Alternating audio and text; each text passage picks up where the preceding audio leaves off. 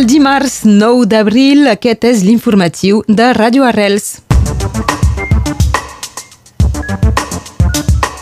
Segons la ministra francesa de Relacions amb les col·lectivitats territorials, l'ensenyament immersiu és inconstitucional. Demà comença a Perpinyà el Festival de Música Sacra.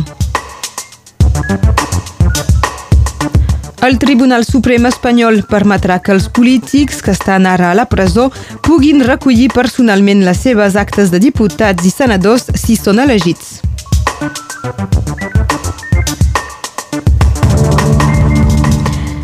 Fi de vaga pels carters del centre de triatge de Tui.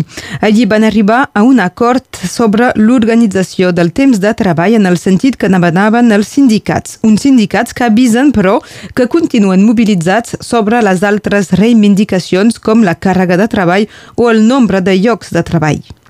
La ministra francesa de les Relacions amb les col·lectivitats territorials, Jacqueline Gouraud, ha declarat davant els senadors que l'ensenyament immersiu de les llengües regionals dins l'ensenyament públic és inconstitucional. L'ensenyament immersiu dins l'ensenyament públic ja fa anys que s'aplica a Catalunya Nord, a les escoles d'Arrels de Perpinyà i també en diverses escoles del País Basc. L'ensenyament en immersió de les llengües regionals té un estatut experimental dins l'educació nacional al que sembla desconèixer la ministra.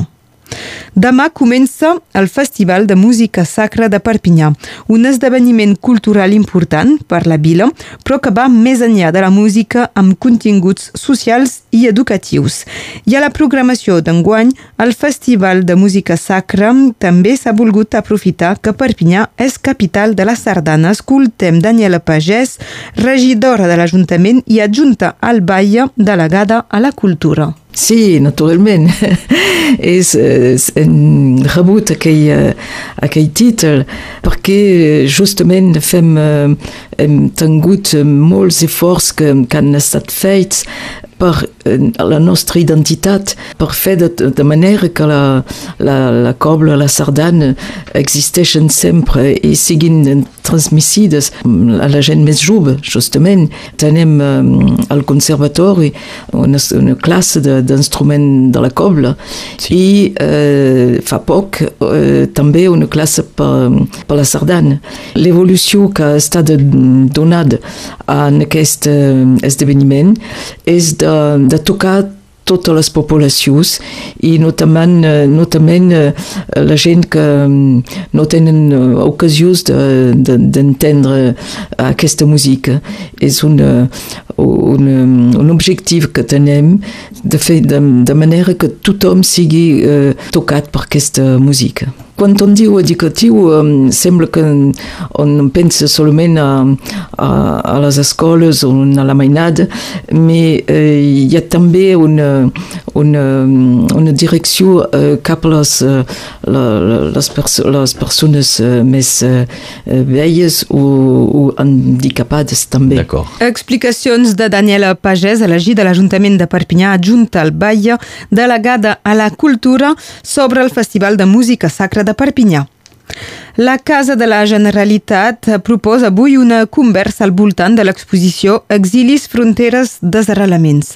L'acte comptarà amb la participació de l'historiador de l'art i comissari d'exposicions Eric Forcada, del dibuixant, pintor i gravador Carles Vergés i de l'escriptor i editor Víctor Sunyol.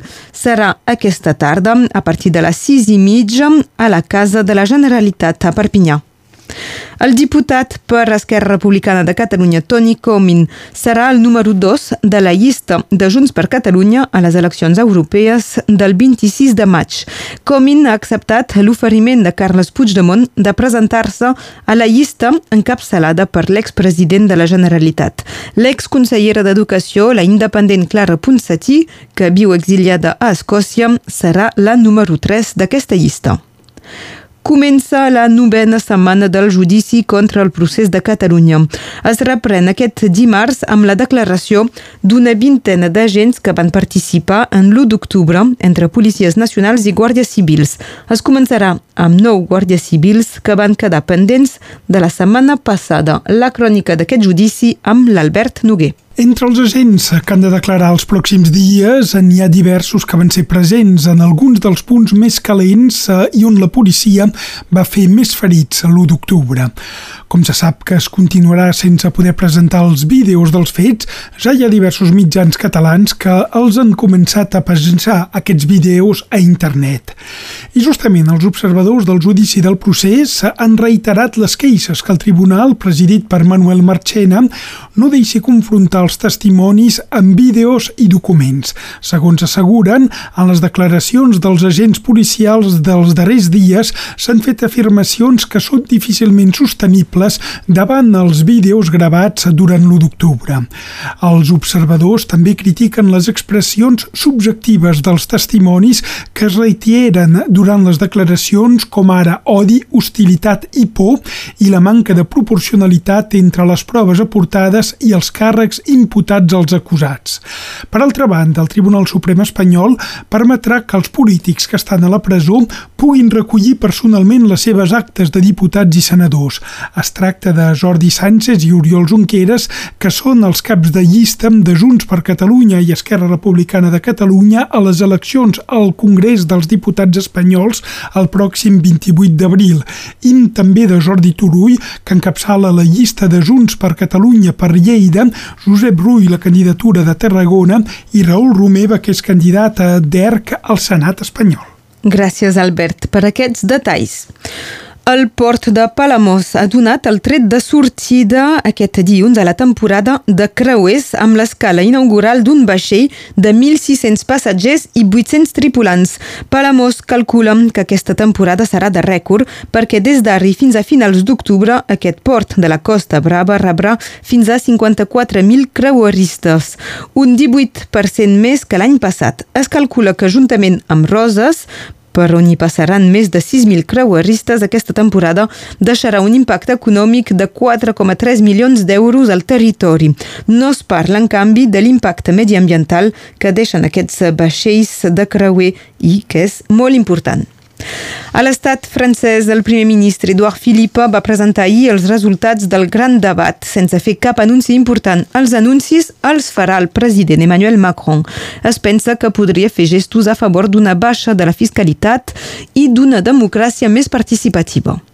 A Líbia s'intensifica la violència al voltant de Trípoli entre les forces rivals de l'est i de l'oest. La situació és tan complicada que l'administració nord-americana ha decidit retirar part de les seves tropes desplegades al país davant l'augment de la violència. La primera ministra britànica, Theresa May, intentarà avui convèncer Alemanya i l'estat francès perquè la Unió Europea s'allargui fins al 30 de juny la data final del Brexit. La decisió l'han de prendre demà a Brussel·les els 27, però la posició d'Angela Merkel i d'Emmanuel Macron és determinant.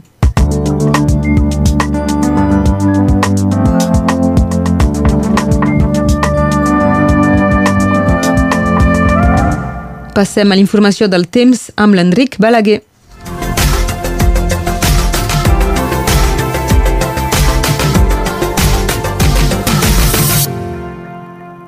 Els ruixats predominaran sobre el territori nord-català i el Fenolledès, amb vents moderats, excepte potser a la part alta del Vall de l'Aglí i al Riberal, on pot haver algunes ratxes de tramuntana, les temperatures són primaverenques.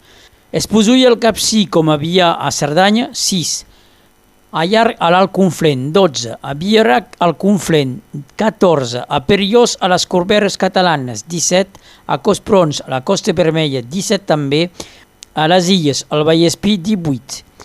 Anem a les Illes. A Palma de Mallorca, 17. A València, 20. A Andorra la Vella, 7. A l'Alguer, 15. Si avui és el vostre aniversari, va néixer el mateix dia, però ell, el 1821, que Charles Baudelaire. I un dia com aquest, el 1933, neix l'actor Jean-Paul Belmondo. El 9 d'abril de 1929 neix a Banyoles l'escriptor nord-català Pere Verdaguer, que ens ha deixat el 2017. Tindria avui 90 anys. El 2012 opinava al micro de Berenguer Vallesser sobre l'independència de Catalunya. És tot un moviment que és en marxa, jo l'observo de fa anys, i eh, la idea de la necessitat d'una independència de, de Catalunya eh, eh, guanya terreny cada any. Per Catalunya no hi ha altra solució. Tindrà sempre problemes amb Madrid si no és independent. Avui és Santa Casilda. Si coneixeu una Casilda, us regalo una ampoll de cava. Una dita diu, dimarts a comprar naps. Podeu anar a comprar-los al Mercat de Prada.